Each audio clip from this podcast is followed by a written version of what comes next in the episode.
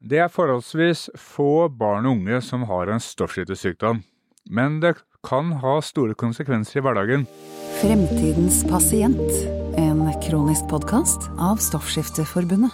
Vi skal møte Rita Rygg, som har en datter med stoffskiftesykdommen Graves og flere andre autoimmune kroniske sykdommer.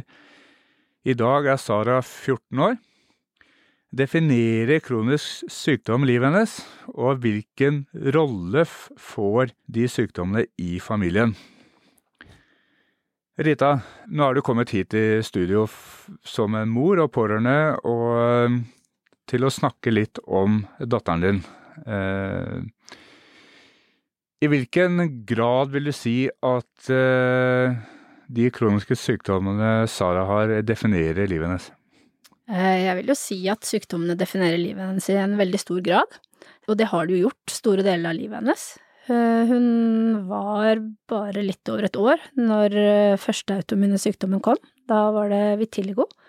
Det kom som noen sånne sporadiske hvite flekker på kroppen hennes, som kom over noen få uker, og det var jo mye ut og inn for å prøve å finne ut av hva disse hvite flekkene var. Deretter stagnerte det litt for å holde seg i ro i nesten to år, før hun igjen begynte å få mer vitiligo, og da ble hun etter en stund diagnosert med cøliaki.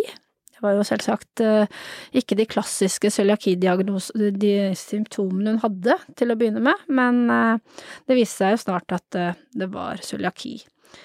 Deretter så holdt jo vitiligoen seg rolig noen år til, fram til hun var syv år, og da fikk hun jo diagnosen Graves. Og vitiligo har kanskje påvirket henne i den grad at hun må forklare for andre barn, spesielt, at hva er de hvite flekkene du har på kroppen din? Og hun fant jo tidlig en ganske god taktikk på det, da, fordi hun sa det at mamma og pappa klarte ikke å bestemme seg for om jeg skulle ha lys eller mørk hud, så jeg fikk begge fargene. Og det slo folk seg til ro med. Så det var egentlig første møte med annerledeshet, da, som hun fikk. Når hun ble syv og Gravesen kom, så påvirka det jo livet hennes ganske mye mer. Hun hadde jo ganske kraftige symptomer, hun var veldig, veldig urolig i kroppen. Sånn at det var jo mange rundt som lurte på om hun kanskje hadde noen andre diagnoser. Fordi, som hun sa, hun henger i taklampa, var vel et ord som ble brukt om henne på skole og sånne ting. Hun har heldigvis alltid vært skoleflink, så den første stunden så påvirka ikke sykdommen hennes skole eller hennes faglige utvikling, men det påvirka jo konsentrasjonen i klasserommet og sånne ting, da. Så jeg vil jo si at fra hun var syv til hun nå er 14, så har det vært en stor endring i hennes livskvalitet, da, rett og slett. Mm. Vi skal jo komme litt mer inn på hvilke konsekvenser det kan ha når du er ung og har en, en eller flere kroniske sykdommer. Men i studio har vi også en annen gjest, og det er Line Sletner, som er overlege og forsker i barneendokrinologi ved Ahus. Og Line, hvor vanlig er det at barn og ungdom opp til 19 år har en stoffskiftesykdom? Det er jo ingen folkesykdom, kan vi si. Det er spesielt Graves er en ganske sjelden sykdom hos barn og ungdom også, men lavt stoffskifte er noe vanligere, men fortsatt ikke veldig vanlig. Vi tenker vel at det er kanskje en 100 i Norge, 100 i året nye tilfeller av Graves under 18 år, men det er jo ting som tyder på at det kanskje øker også, så Og det med lavt stoffskifte er det litt vanskelig, vi har ikke noen gode tall på det egentlig i det hele tatt, hvor, hvor vanlig det er, eller mange som har det, men det er i hvert fall kanskje to-tre ganger minst vanligere enn en Graves. Mm. Hva er det som kjennetegner Graves? Altså, Graves er jo en autoimmun sykdom. Det vil jo si at det er, det er kroppen selv som måte angriper sine egne organer, hvis man sier det sånn enkelt. Men vi vet jo ikke helt hva som trigger det. Det kan være infeksjoner, det, altså det vet vi egentlig ikke nok om. Som, det gjelder det samme for alle autoimmune tilstander, egentlig. Man vet veldig lite mm. om hva som setter i gang. Men det, det, er jo en sykdom som da Der er skjoldbruskkjertelen som sitter på halsen, Så vanligvis så ser man jo ikke den, men eh, når den blir syk, så hender det at man ser den og man får sånn såkalt struma. Mm. At den blir forstørra. Og Graves eh, så kan man jo da se struma, men i varierende grad, da. Men det det gjør, er jo at stoffskiftet blir høyt. Eh, Det vil si at eh, den kjertelen utskiller for mye tyroksin, som er det stoffskiftehormon. Tyroksin virker på nesten alle, kropp, alle celler i hele kroppen. Styrer på en måte delvis forbrenningen i cellene, og det, hvis da stoffskiftet blir veldig høyt, så betyr det jo at alt går i for høyt tempo, rett og slett, da. Eh, og det man kan sammenligne som at kroppen løper maraton 24 timer i døgnet. Og det er jo kanskje sånn det kan føles, da. Det blir, kan man jo bli ganske sliten av. Ja. Eh, Og det inkluderer jo da hjernen, eh, det er eh, musklene, det er hjertet, det er ja, det meste i kroppen. Derfor så kan man jo få symptomer fra nesten alle organer også. Ja. Når da kroppen på en måte går på høygir hele tiden, Mm. er det mulig å gjøre det hele tiden? Eller stopper opp på et tidspunkt, og så er Ja. man utslitt? Går det for langt, så, så kan man jo bli helt utslitt. Så Det er jo en alvorlig sykdom. Det betegnes som en alvorlig tilstand. Mm. Eh, og i verste fall kan det gi en skikkelig sånn krise, som vi kaller det, da. Eh, heldigvis er det forholdsvis sjelden vi Mm. ser det, men, eh, men i verste fall kan man jo få det. Ja. Mm. Er det noe forskjell på alvorlighetsgrad barn er voksne når det gjelder Graves, eller er det like alvorlig? Altså, det er forskjell på hvordan barn og voksne liksom det utspiller seg, det kan det ha, men eh, vi tenker jo at det kanskje er ekstra alvorlig hos barn fordi barn er i utvikling. Eh, hjernen er i utvikling, kroppen er i utvikling, man skal ha pubertet, man skal ha alt eh, vokse, sånn at det har kanskje enda mye mer langsiktige konsekvenser, da. Mm. Men sykdommen kan noen ganger være mer hissig hos voksne, men, eh, men likevel er konsekvensene kanskje enda større for barn. Mm. Farida, hvilke konsekvenser, for å gå litt nærmere inn på det, hvis du tar Graves først, altså hvilke konsekvenser har det hatt for Sara? Nei, det har jo hatt store konsekvenser når det gjelder hennes eh, utdannelse, eh, hennes sosiale liv, hennes liv med familie og venner og ja, aktiviteter, alt man gjør. Eh, hun gikk jo som sagt fra å være en aktiv jente som deltok både på innebandy og ishockey, til å på en måte trappe litt ned og delta på teater, da, for det var litt roligere aktivitet, men heller ikke teater er gjennomførbart i dag. Eh, I dag så er det vennebesøk kanskje en gang i måneden, hver tredje uke. Eh, Hun er på skolen tre dager i uka, men kun en time av gangen. Én skoletime, det er det hun klarer. Og i tillegg så har hun da undervisning på Teams eh, to dager i uka. Eh, Så følges hun opp av fysioterapi og rideterapi, men det er der kapasitetsområdet hennes ligger nå. Mm. Eh, Sånn at eh, aktiviteter utover det, så blir det noen dager borte fra skole, eller at det påvirker, da. Så, så man må hele tiden fokusere på hva er det som gir Sara mest energi. Eh, Mm. Hva er det hun har mest glede av? Og så er det en sånn balansegang mellom å pushe henne til å ville gjennomføre, fordi det har vel også blitt litt sånn at eh, angsten for å bli sliten, den må utfordres litt. Mm. Men samtidig så skal den ikke utfordres sånn at man blir så sliten at eh, man ikke orker. Mm. Så jeg vil jo si at eh, hverdagen vår dreier seg om mm, Sara, fra vi står opp til vi legger oss, og hvordan vi på en måte kan gjøre den dagen mest mulig normal. Mm. Vi har hatt et veldig sånn fokus fra hun fikk første sykdom, at uh, vi ikke ønsker at sykdommen skal definere henne, da. Sara er Sara. Og så at ting skal være så mest mulig normalt som mulig. Det har liksom vært litt eh, motto til oss som familie, men samtidig så har vi jo bare sakte, men sikkert måttet innse underveis her, da, at utfordringene blir større og større. Mm. Og hun får ikke muligheten til å oppleve det de andre på 14 år gjør, da. Mm. Barneskolen var litt lettere enn ungdomsskolen. Eh, barneskolen, så hadde hun jo på en måte vært der fram til fjerde klasse, sånn mer eller mindre. Sånn at når hun da begynte å ha stort fravær, så visste liksom alle i klassen om det. Vi valgte jo å være veldig åpne fra dag én, så Mm. vi innkalte både foreldre og barn til eh, informasjon om Sara og hvorfor hun ikke var der, for vi tenkte at det er lettere for dem å forholde seg til fakta enn at alle skal gå og lure og tenke og mene selv, da. Eh, Og fordi hun liksom gikk jo da fra å være kjempeaktiv til å knapt orke å være på skolen, så syns vi at eh, det var det var i hvert fall vår måte, da, å takle det på. Og hvordan syntes dere at de andre mottok den faktainformasjonen dere kom med? Eh, Jeg opplevde det som kun positivt. Eh, Det, sånn som det gjorde at eh, det, Sara ble alltid inkludert i alle bursdagsselskaper, alle aktiviteter. Det var til og med mange som tilrettela aktiviteten sånn at Sara skulle klare å gjennomføre, hun også.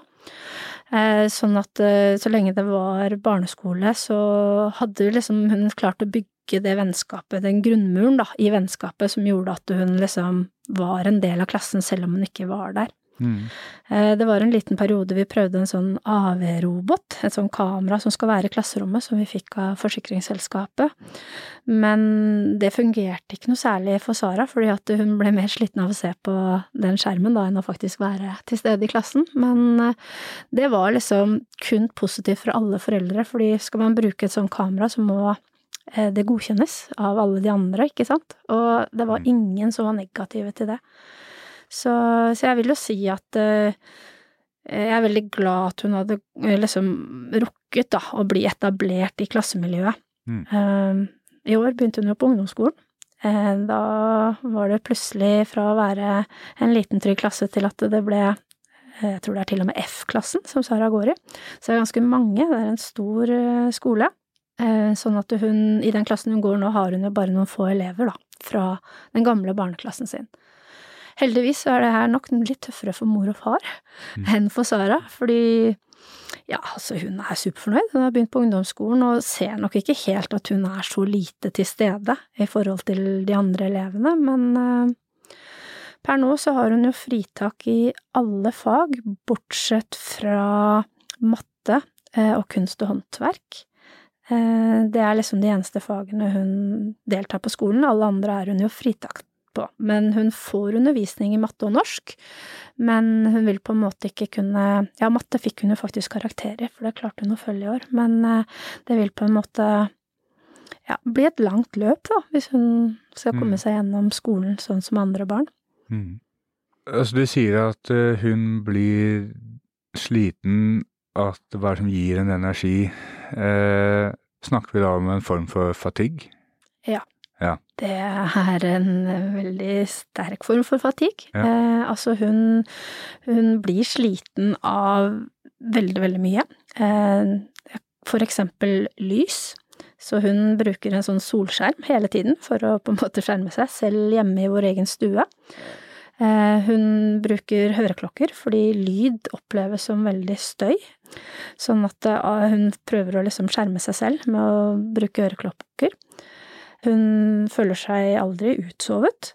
Eh, Hun, akkurat nå så sover hun opptil 15 timer i døgnet. Så, og selv da når hun våkner, så er kroppen kjempesliten. Hun har mye symptomer som kvalme, svimmelhet, feberfølelse, svette i kroppen. eh, Ting som gjør hverdagen ubehagelig, rett og slett. Mm. Um, og det påvirker jo også veldig kostholdet. Eh, fordi at hun varierer mellom å være kvalm og ikke lyst på noen ting, til å ha en akutt hunger for salt, eller altså du, du får sånn Vi kaller det oksehunger hjemme, liksom, for da blir hun helt desperat etter mat. Så, så i vårt liv så påvirker disse, denne stoffskiftesykdommen egentlig alle elementer. Mm. Eh, men hvordan eh, synes dere som foreldre at eh, hun blir møtt med den fatiguen? Altså, hvor mye eller hvor lite forståelse er det der ute for fatigue? Eh, Det er veldig stor forskjell. Jeg opplever at eh, vi har vært heldige med eh, legene rundt Sara og skolen. Og PPT. Der har det vært ganske høy kunnskap om det, og vi har veldig Vi har ikke måttet kjempe for tilrettelegging på skole eller noen ting. De har Jeg vet ikke om de har hatt noe kunnskap på forhånd, men det har på en måte vært vi som foreldre og Sara sin stemme da, som har lagt føringen. Familie og venner, de gjør nok sitt aller beste for å forstå, men altså, nå har jo Sara hatt diagnosen i syv år, og jeg fortsatt forstår ikke alt. Mm. Sånn at det er jo ikke så lett for de rundt å forstå.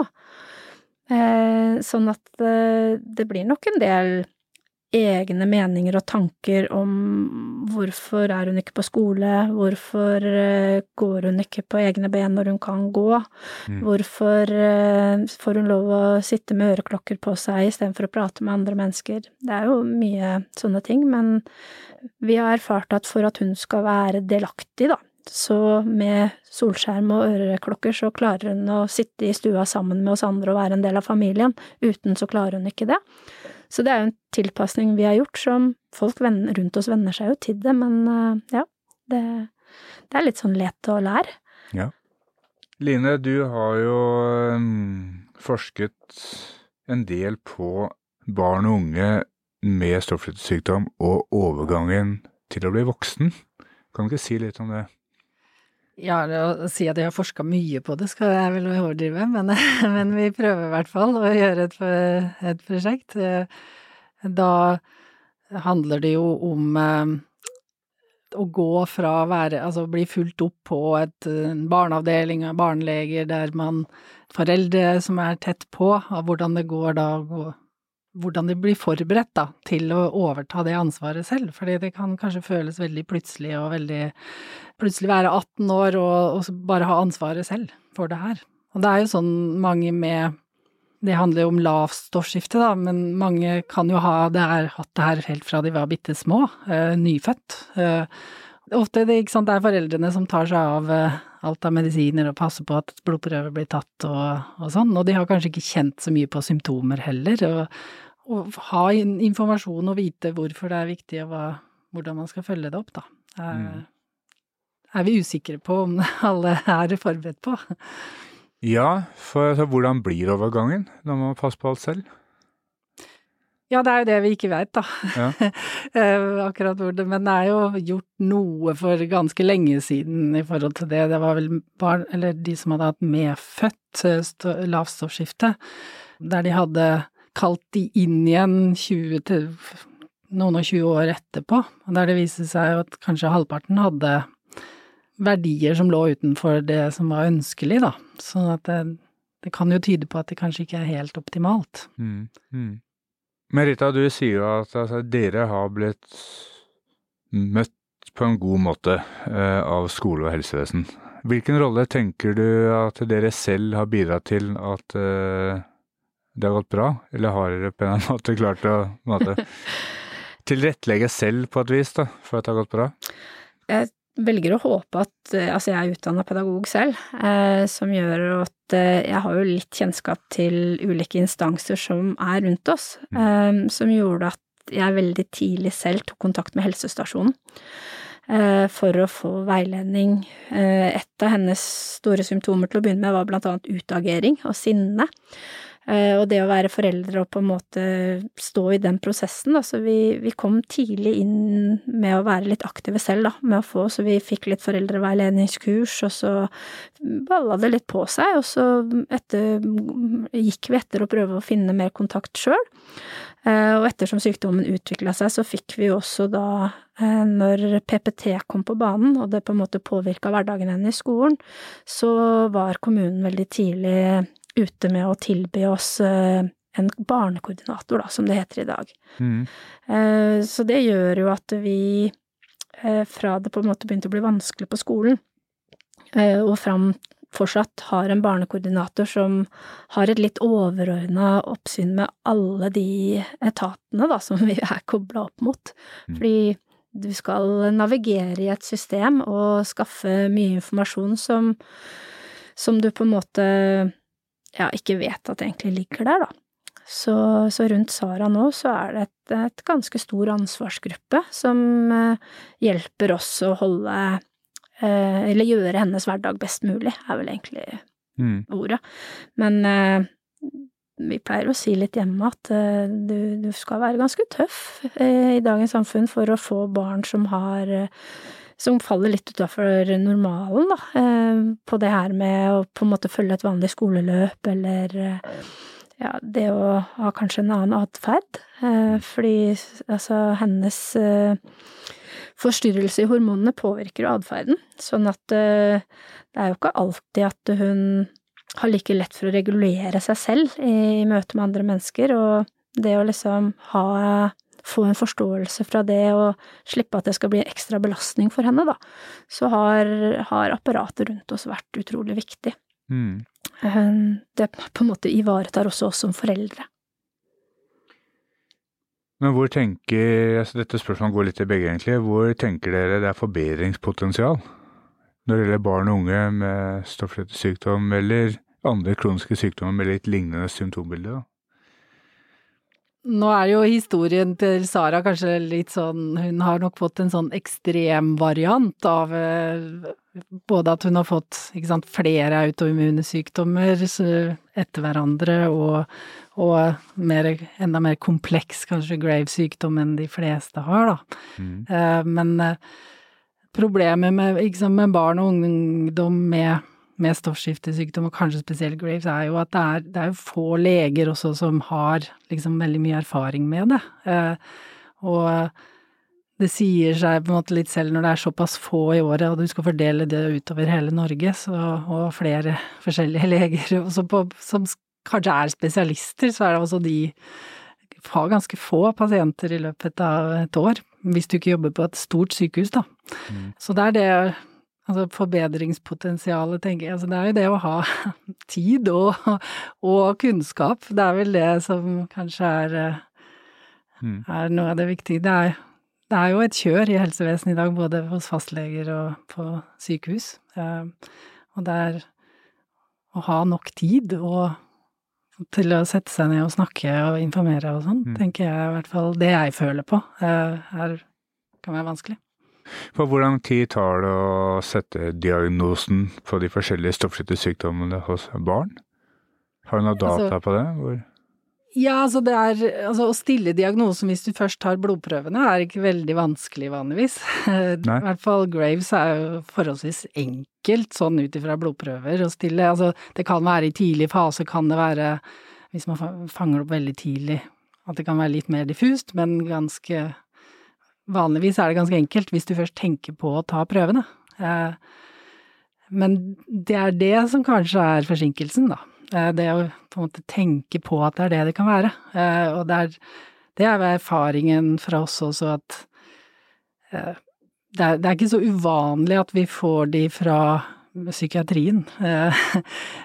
At jeg først har blitt henvist til en psykiatrisk vurdering, da, som nettopp som hun sier, altså det er mye symptomer, og spesielt hos barn og ungdom som har en hjerne i utvikling, Mm. så er det mye sånn nevropsykiatriske symptomer, som vi kaller det, da. Mm. At du Det kan være utagering, skole, konsentrasjonsvansker, eh, sinne, altså mye sånne sånne type symptomer. Ja, Som at det er symptomer for noe annet i noen tilfeller. Ja, at det eh, Det handler jo ikke i den sammenhengen om psykiatri, det handler nei. om Graves. Ja, ja. Fordi det Ja, kan men- gi symptomer som ligner veldig så, på det. Så mm, nå har i hvert fall barn- og ungdomspsykiaterne ofte etter hvert, i hvert fall i vårt område, tar stoffskifteprøver når de utreder også, men det kan ta tid, da. Mm. Rita, det er jo eh, De tallene står vel fortsatt. Det er jo rundt 800 000 pårørende i Norge, sier Pårørendealliansen. Eh, og det er jo ganske høyt. Eh, og du og mannen din er jo pårørende for Sara. Hvordan er det for dere? Det er vanskelig. Som jeg sa litt i stad, så var vi ganske tidlig ute med å be om foreldreveiledningskurs, og det tror jeg på en måte har vært litt ankeret vårt da, gjennom hele prosessen, for vi er jo to vidt forskjellige mennesker som reagerer på to forskjellige måter. Eh, der den ene kanskje trenger nærhet når ting er vanskelig, så vil den andre ha avstand, og bare en så banal ting kan på en måte gjøre det utfordrende å på en måte stå i, stå i både det å være forhold og være foreldre. Ehm, men eh, vi har valgt å være veldig åpne og valgt å på en måte få veiledning og hjelp. Eh, vi var også i Sarpsborg kommune så er det et sånt tilbud om et sånn lavterskeltilbud, eh, hvor du på en måte får litt sånn selv til selv, hjelp til selvhjelp, da. Mm. Som vi også benytta oss av, hvor vi fikk litt sånn verktøy for å på en måte jobbe med vår egen psykiske helse oppi her. For det er jo sånn som hun sier, da, at vi, det som kanskje har vært mest skummelt i hele prosessen, er det at ingen vet. Mm. Så det å på en måte bli møtt med eh, at eh, ja, det kan kanskje være sånn eller sånn, altså, men vi, vi, følte ofte at vi bare ble sendt videre i systemet, da. For eh, Sara fikk jo en del ulike symptomer. Og det var for lite kunnskap om Graves hos eh, barn i de ulike instansene vi møtte, da, som gjorde at veien ble veldig skummel. Eh, sånn, det er jo en del av symptombildet er blant annet øyer og trykk i øyet. Og liksom vårt første møte med en sånn øyelege ble liksom oi, nå kan hun bli blind, liksom. Det var liksom første møte, og du blir jo litt opphausa og redd, og ok, ja. hun er tolv år, skal hun miste synet også nå, liksom?